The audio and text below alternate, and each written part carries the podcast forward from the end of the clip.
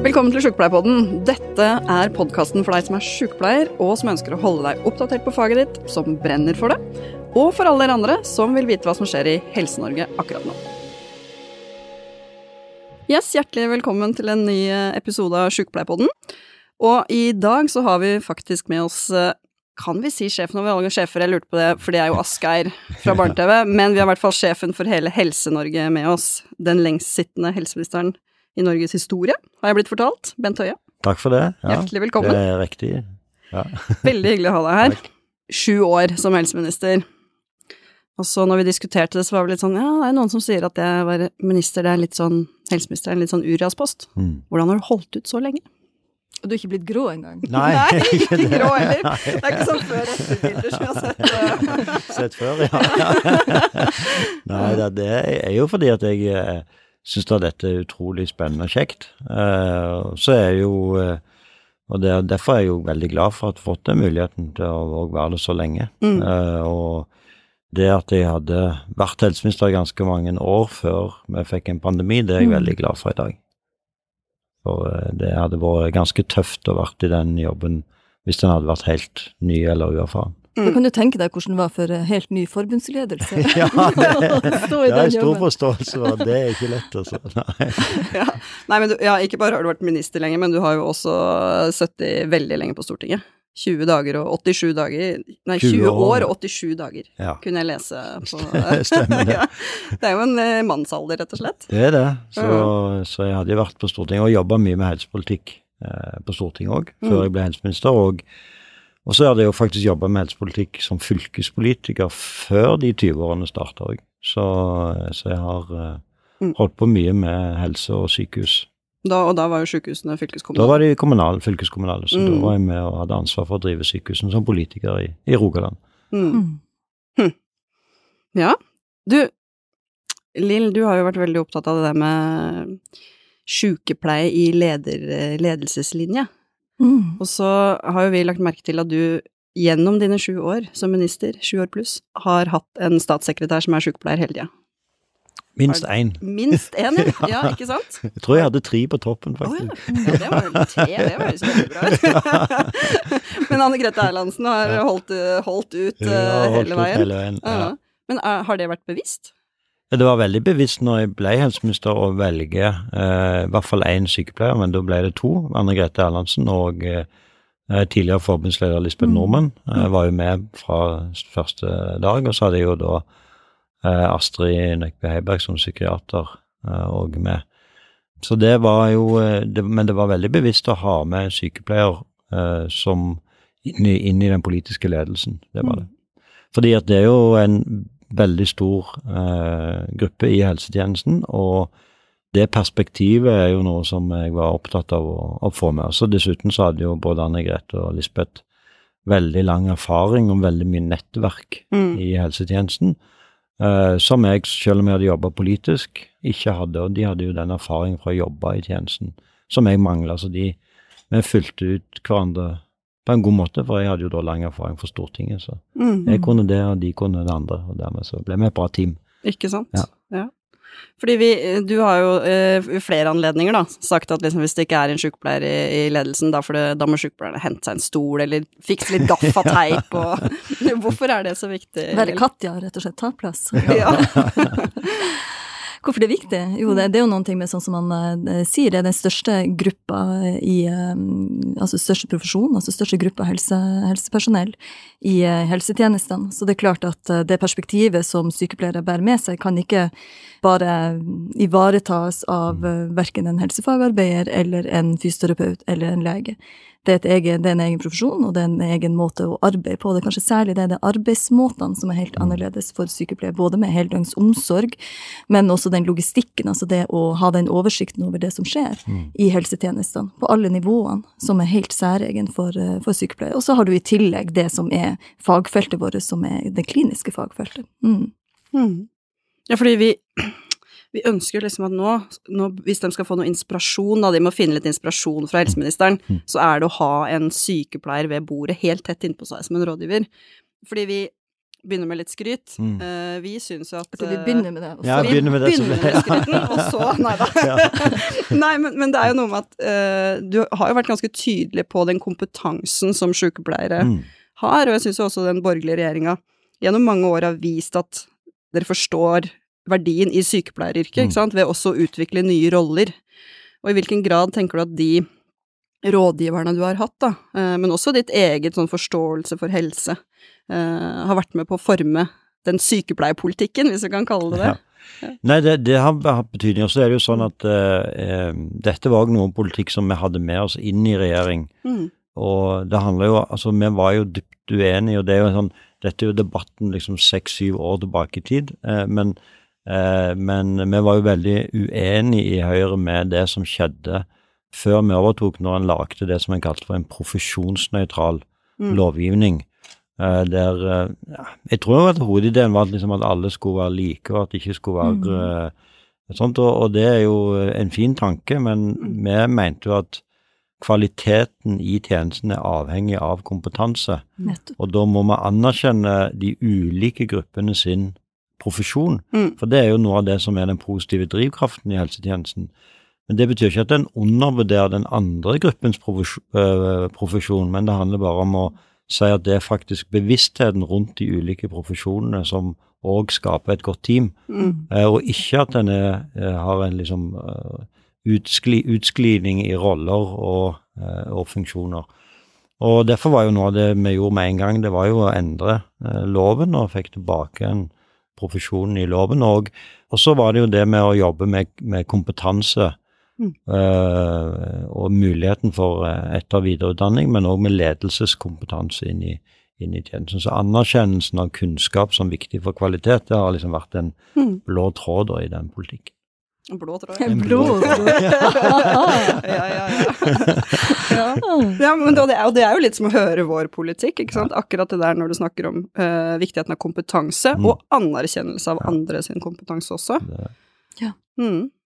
Det, er, det er ikke og det er klart, Vi hadde jo mye tett samarbeid med Sykepleierforbundet òg når vi var i opposisjon, og dette var jo noen av de områdene der vi var veldig Mm. enige. Og jeg jobbet jo òg når Lisbeth Nordmann var leder av forbundet, så Mm. selv om jeg ikke da visste at hun var Høyre-dame, så, Mm. så jobbet vi altså, med, med, kom, Hun kom med mye innspill til vår politikk, og vi hadde godt samarbeid med forbundet med utviklingen av den delen av politikken. mm. Og det er jo noe som er helt nødvendig å fortsette med Mm. eh, i de årene fremover. For det er klart også eh, Vi snakker jo mye om sykepleiermangel, og det er Ja. klart det er kjent. Det, det har også du, Mm. du og jeg skrevet kronikk Mm. eh, om eh, betydninga av sykepleierkompetansen, at vi mangler sykepleiere. Og vi er nødt til å investere i det òg. Men det er klart at vi, det nytter ikke bare å tilføre samfunnet langt flere sykepleiere. Vi får ikke tak i alle sammen. Så vi er Mm. nødt til å tenke mer tverrfaglig. Da er det Mm. nettopp det, det å ivareta verdien av hvert fagfelt. Av ergoterapeuten, av fysioterapeuten, av helsefagarbeideren, av legen og sykepleieren. Mm. Altså de profesjonene i lag. Ikke det profesjonsnøytrale der alle sammen skal gjøre likt, for det fungerer ikke noen plass. Nei.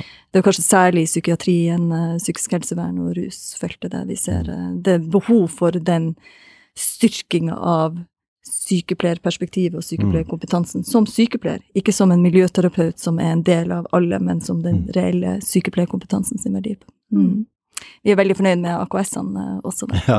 Mm. Ja, ikke sant. Der Ja. føler vi at vi har fått på plass en seier da, for Det- eh, sykepleierne. Det forstår jeg veldig godt. Og det som jeg er inne på nå med å si at vi må sannsynligvis tilbake igjen og etablere, reetablere utdanningen som spesialsykepleier innenfor rus og Mm. psykisk helse. Sant? Fordi at den, der, den jo, altså der ble det jo en, en, en felles utdanning for, for alle. Mm. Mens eh, det vi ser innenfor, spesielt innenfor psykisk helse, det er jo at eh, det å ivareta den somatiske helsen eh, for disse pasientene, der ser vi jo at det er Mm. eh, store mangler, og sykepleieren har jo nettopp den kompetansen eh, som gjør at en kan ivareta både den psykiske helsen og, en eh, og den somatiske helsen. Og den, jeg har jo vært i dag og tatt imot en rapport fra Undersøkelseskommisjonen, som jo en av rapportene handler jo om en Mm. pasient som eh, døde av overmedisinering i, i psykisk helse. og der var jo nettopp dette et av perspektivene at uh, den somatiske helsen blir ikke godt nok ivaretatt. Mm. Jeg tenker Det er to viktige ting med, med, med den rapporten som, som vi også ser, og det ene er jo den somatiske helsen og hvordan den blir ivaretatt innenfor psykisk eh, helsevern i en sånn situasjon, men det er også det med hvor mange personer som var involvert. Mm. Altså hvor mange ulike, altså både leger og sykepleiere og andre miljøterapeuter, som de er Mm. beskrevet som det. For det er ikke beskrevet en eh, kompetanse nødvendigvis i det heller, men altså 40, jeg tror det var over 40 personer over i alle fall som var involvert. I løpet av få dager. Mm. Så det er noe med å snakke om kontinuitet og, og kompetanse, hvilken kompetanse som er på plass på, for å ivareta somatisk og psykisk helse, Mm. selvfølgelig. Mm. Men du, noen ganger så tenker man kanskje at eh, helseministeren eh, Ikke vi da, selvfølgelig, for dette vet jo, vet jo vi, men at helseministeren har først og fremst ansvar for sykehus. Men du er jo eh, minister for, liksom, for hele helsefeltet, også kommunene. Ja. Eh, helse- og omsorgstjenesten i kommunene. Men de ligger jo i et annet departement. Og du har jo ikke pengesekken deres heller. Og det vårt eh, vi, vi har jo vært vi, skal, vi si, skal vi si bekymra, eller vi burde egentlig bruke sterkere ord enn bekymra også for helse- og omsorgstjenesten i kommunen noen ganger. Men hvordan Altså, det der å liksom ha ansvaret for det, men kanskje ikke ha øh, Være helt hands on, da. Du, på sjukehusene så har du oppdragsdokument og liksom kan si at dette skal dere gjøre. Mm. Men i kommunen, hvordan forholder man seg til det? Fordi tross, til tross for kommunesammenslåing, så er det vel 356 kommuner eller er noe noe sånt. Ja. Hvordan, hvordan, eh, sikrer man at liksom standarden på tjenestene, helse- og omsorgstjenestene, er god nok i, i kommunene? Nei, det er mye mer komplisert. Mm. Eh, og det er klart at det, For det er jo et annet politisk nivå som har det reelle ansvaret for tjenesten. Så selv om jeg har ansvar for lovverket rundt det og mye av liksom, rammene rundt tjenesten òg der, så, så er det ikke vi som sitter med det øverste ansvaret. Vi kan ikke si, be kommunene om å gjøre noe, eller gi Mm. dem et oppdrag om å gjøre noe. Det vil, det vil kommunene oppleve som en hyggelig hilsen om å kanskje få til noe, men uh, de bestemmer selv om de vil. Mm. Uh, og det er helt annerledes enn med sykehusene, selvfølgelig. Så det, så det gjør det mer komplisert. Men det det er klart at det er òg vanskelig å se for seg at det er noe godt alternativ. Eh, fordi eh, fordelen da med at kommunen har ansvar på det nivået, er jo at nettopp at de kan se helse sammen med skole, sammen med hvordan de planlegger areal i en kommune. Mm. De har muligheten til å se helheten. Så det er mange fordeler med den måten å gjøre det på, men som helseminister så er det selvfølgelig sånn at en av og til river seg i håret over at det, det må ta så lang tid. Men da må vi bruke andre virkemidler. Og det er jo, det er jo noe av det vi gjør f.eks. Med, med eh, når vi setter av statlige penger til eh, etter-, videre- og grunnutdanning. Mm. Så sier vi, da, Penger motiverer kommunene, så da ser vi at da får vi de til å gå i den Mm. retningen som vi, som vi ønsker. Så det er jo et av virkemidlene som, vi- som vi har. Mm. Så kan vi selvfølgelig bruke lovverket. Og så har vi jo gjennom eh, kvalitetsreformen Leve hele livet egentlig funnet en, en litt ny måte å jobbe med kommunene på. Mm. Eh, der vi i større grad eh, tenker at vi jobber med utgangspunkt i erfaringer fra kommunen, men setter de i system, og egentlig jobber med nettverk mer mellom eh, fagpersoner for å dele erfaringer og spre god praksis. Mm.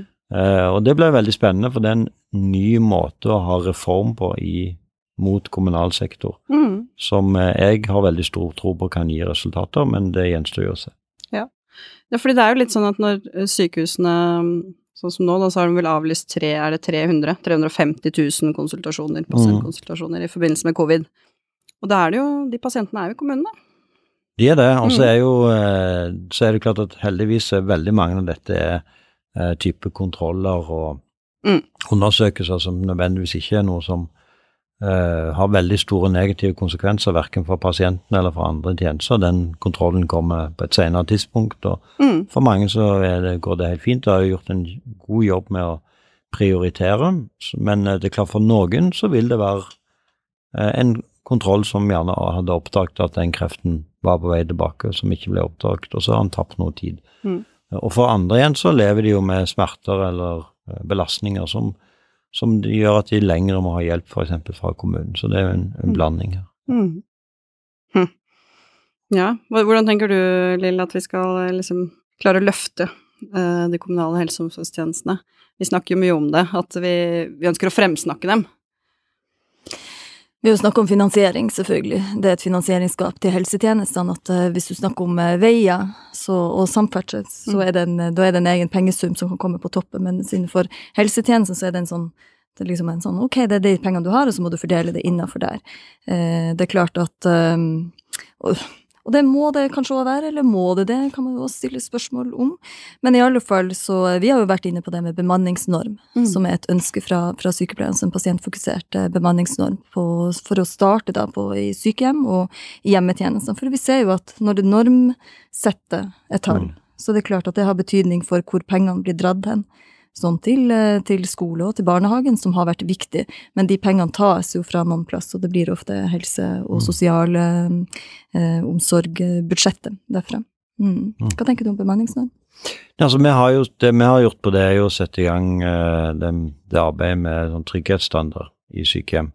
Det er jo ikke en direkte bemanningsnorm, men den legger jo fram på en måte hva bemanning betyr mm. eh, for, for, kvalitet eh, i, i, sykehjemmene. Og så er jo dette er jo liksom en For jeg forstår veldig godt at når, når det blir bemanningsnormer i skolen, så utløser det et enda sterkere behov for bemanningsnormer i helsetjenesten. Mm. Eh, så er nok uh, vår grunnholdning at, det, at det, altså begge deler er feil vei å gå. sant? Men vi forstår veldig godt at det utløser det behovet nettopp fordi det styrer mye av ressursene. Og da forsvinner jo noe av den helhetstenkningen som egentlig mm. var grunnlaget for hele modellen. Uh, så, så, så, dette er jo et dilemma. Og så er jo det til slutt så ender det jo da opp med Hvis en fortsetter den retningen hele veien, så vil en jo til slutt ende opp med at uh, da kan egentlig bare staten overta. For da styrer en egentlig alt gjennom normer og øremerkinger og statlig finansiering osv. Og, og da forsvinner helhetstenkningen. Så det er jo litt sånn Ja, det er jo mer et utgangspunkt i hva hva er det en tror er riktig over tid? Uh, men det, det, er et dilemma, det du peker på der, altså. Mm. For det er nettopp det, det er et dilemma. Vi har jo diskutert det mm. før, og det er klart vi ser jo fra NSFs side så ser vi eh, de utfordringene som, som dere og stat, altså det skillet mellom stat og, og kommune òg, men samtidig så er det jo Vi står jo i det, og mm. sykepleierne står i det, så, så kan man eh, gjøre med det. Og så er det jo under covid-19 nå, så ser man jo resultatene av det når det strammer seg til. Hvem er det da som blir prioritert ned? Mm. Og det er jo de gruppene som også du er veldig tydelig på å fremheve i andre mm. sammenhenger, innenfor psykisk, uh, psykisk, helse og rusfelt og uh, demens. Mm. Altså veldig Jeg liker ikke begrepet sårbare grupper, men, men, likevel, dem som sannsynligvis i mindre grad i alle fall sier ifra sjøl mm. om at de trenger de her tjenestene, de blir prioritert ned. Mm. Og pårørende. Pårørendearbeid også. Så når man er nødt til å prioritere, så er de gruppene som prioriteres ned. Mm. Det er klart det er et kjempedilemma. Ja, vi, vi, og NSF har jo også diskutert i årevis, ikke sant, og mm. hvordan skal man løse det helt sånn praktisk også, ja. fordi at pasienter er så ulike. Så vi, vi beveger oss jo mer på det inn som vi kaller en sånn pasientfokusert bemanningsnorm, mm. hvor du må ha en bemanningsnorm ut fra hva slags pasientgruppe du har. Ja. Men det er jo ikke statisk. Nei, det er ikke det. Så, men at man må ta, gå inn i den diskusjonen knytta til kommuneøkonomi, det tror jeg er helt uh, åpenbart, fordi mm de kommunale helse- og omsorgstjenestene har fått så utrolig mye mer ansvar, da, bare mm. de siste årene, liksom.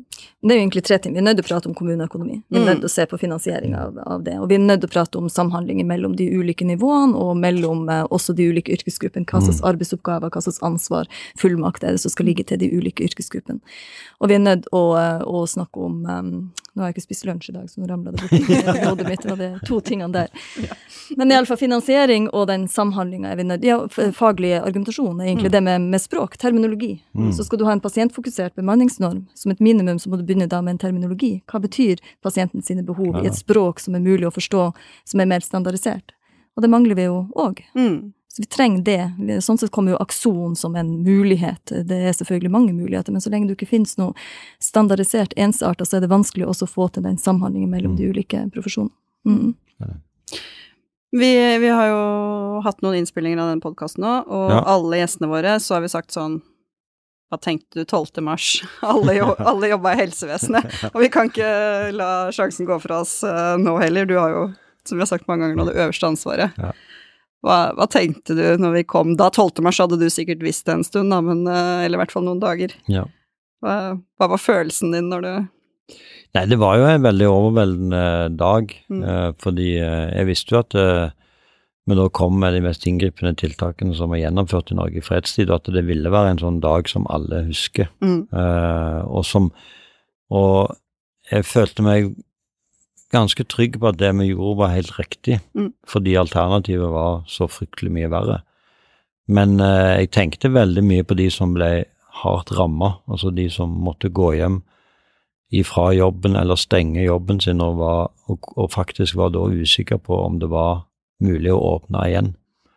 Eh, sånt for det, og jeg har jo selv bakgrunn fra reiselivsnæringen og har veldig mange venner som, som jobber der, og mange av de har jobba i mange år for å skape seg en arbeidsplass for seg selv og for mange andre, og, og som jeg visste at den dagen måtte de liksom bare lukke døra, og det var ikke sikkert de arbeidsplassen deres overlevde. For ingen av oss visste jo hvor lenge disse tiltakene måtte, måtte vare. Mm.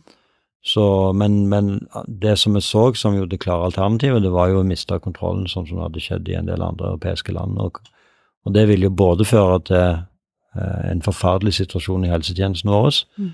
Men òg til at nedstengingen hadde blitt mye mer brutal og omfattende enn det som til nå heldigvis har vært nødvendig i Norge. Mm. Ja, det måtte være helt Altså, det var jo helt absurd for oss, på en Ja. måte, på utsida, men når du skal sitte i de posisjonene, altså, og ta de avgjørelsene eh, Liksom, var du Følte du deg helt sikker på, helt trygg på at dette var Det var dette vi måtte gjøre nå?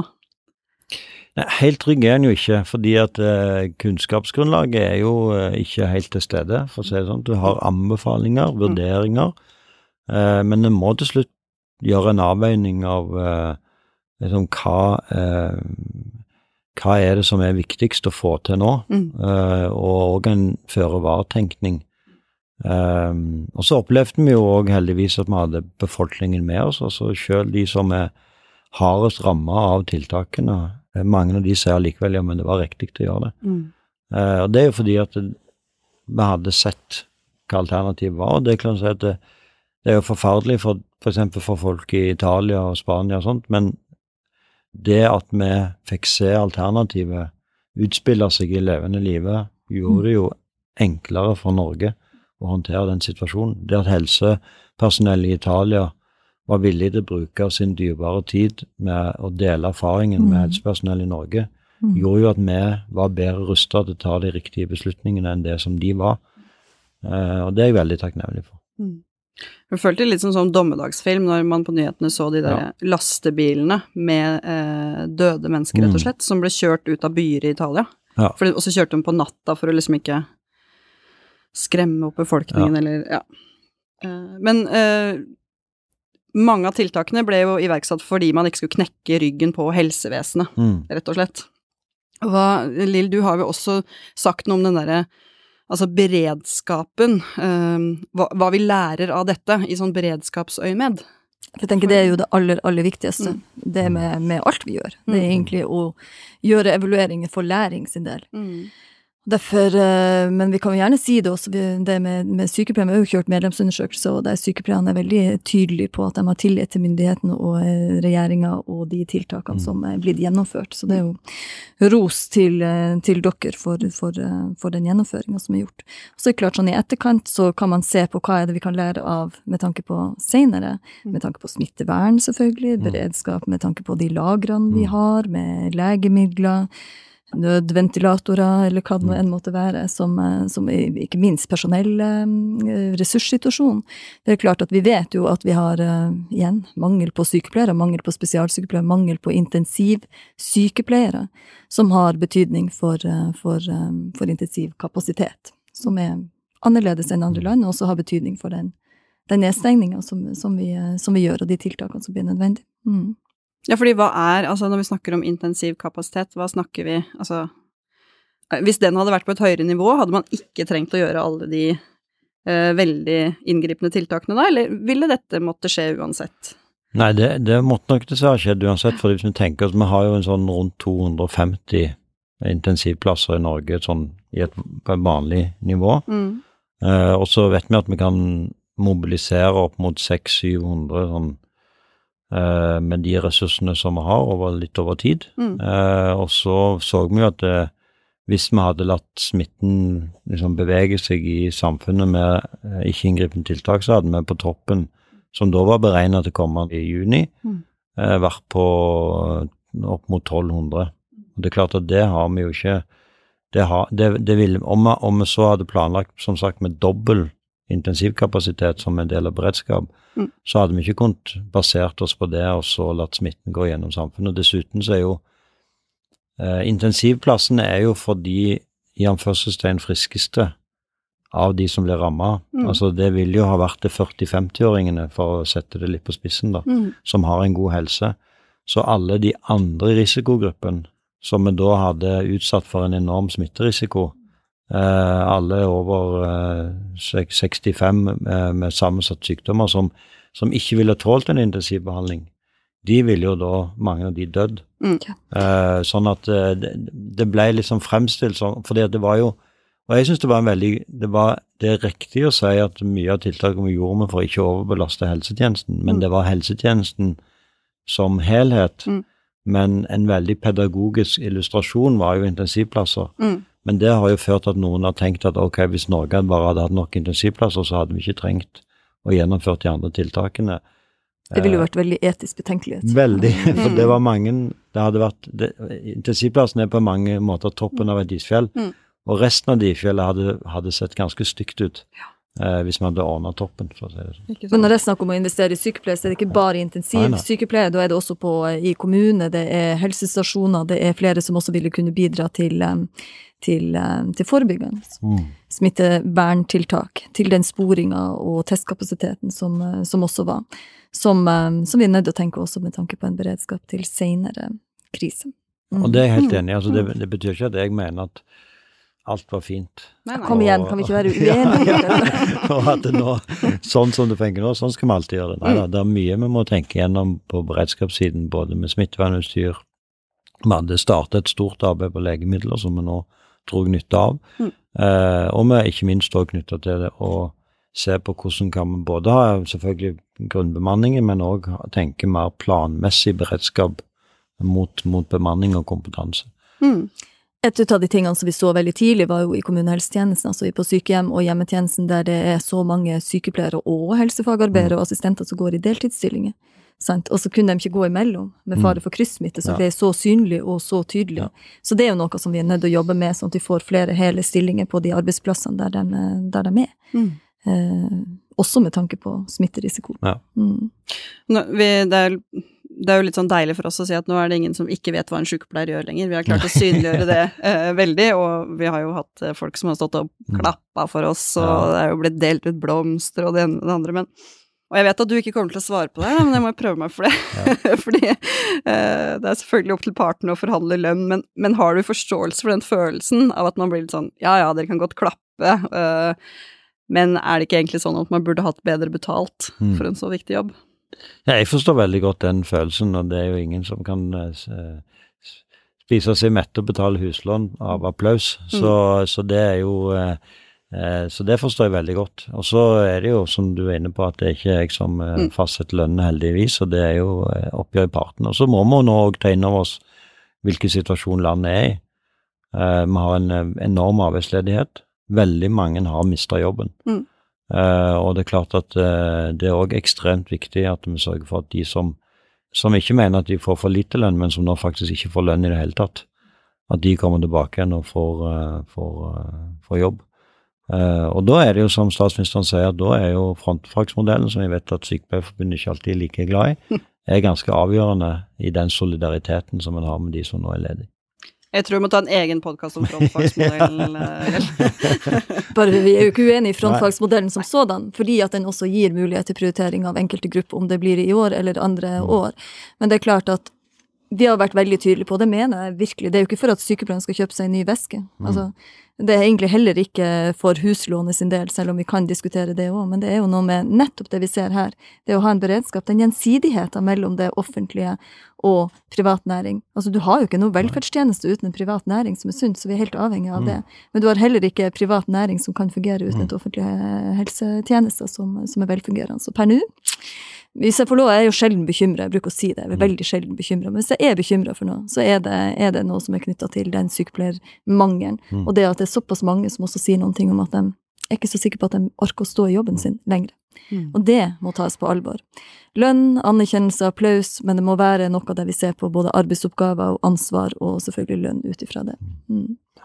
Nei, jeg er helt, altså det er veldig enig i det at denne situasjonen har vist nettopp som du er inne på, i avhengigheten Mm. som en er av hverandre. Og, og det er klart at, øh, og mange òg i privat sektor har jo stått helt i front og tatt risiko. Sant? Altså, hvor, hvor, det var, vi var òg i en situasjon der folk applauderte for de som jobbet i Mm. kassen på Kiwi Mm. eller på Rema 1000, som jo Anna ofte har blitt brukt som en sånn uh, negativ uh, Ja, hvis du ikke kommer noe sted i verden, Hvis du ikke kommer liksom, noe da- sted i verden, Mm. så var plutselig så folk hvor viktig det var. Ja. Og ikke minst alle de som jobber med renhold Mm. uh, alle steder. Mm.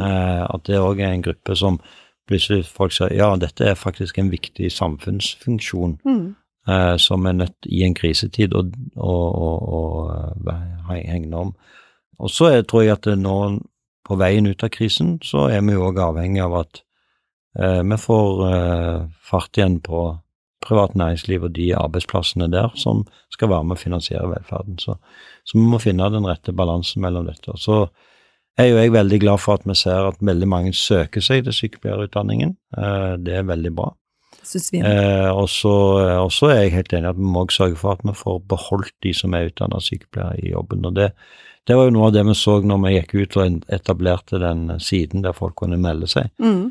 Så ser det jo ganske mange tusen som ikke jobber i helsetjenesten, som har helsefagkompetanse, som har meldt seg. Og mange av de har vi jo behov for skal jobbe i helsetjenesten, og ikke andre steder. Ja, skal vi løse den sykepleiermangelen, eh, så trenger jo de folka, Vi ikke det. sant. Ja, og at man jobber fulltid, og at man ikke pensjon, går av med uførepensjon. Ikke minst. Ja, Det er liksom hele den eh, det er hele Ja. pakken. Ja. Og oppgaveløsning, som også dere har Ja. vært i det med å utvikle Mm. nye roller. Tror jeg også er kjempeviktig. Men vet du hva, tida går veldig fort. Ja. Eh, hva, hva er din koronavennlige ferieplan? Den er egentlig helt intakt fra før korona.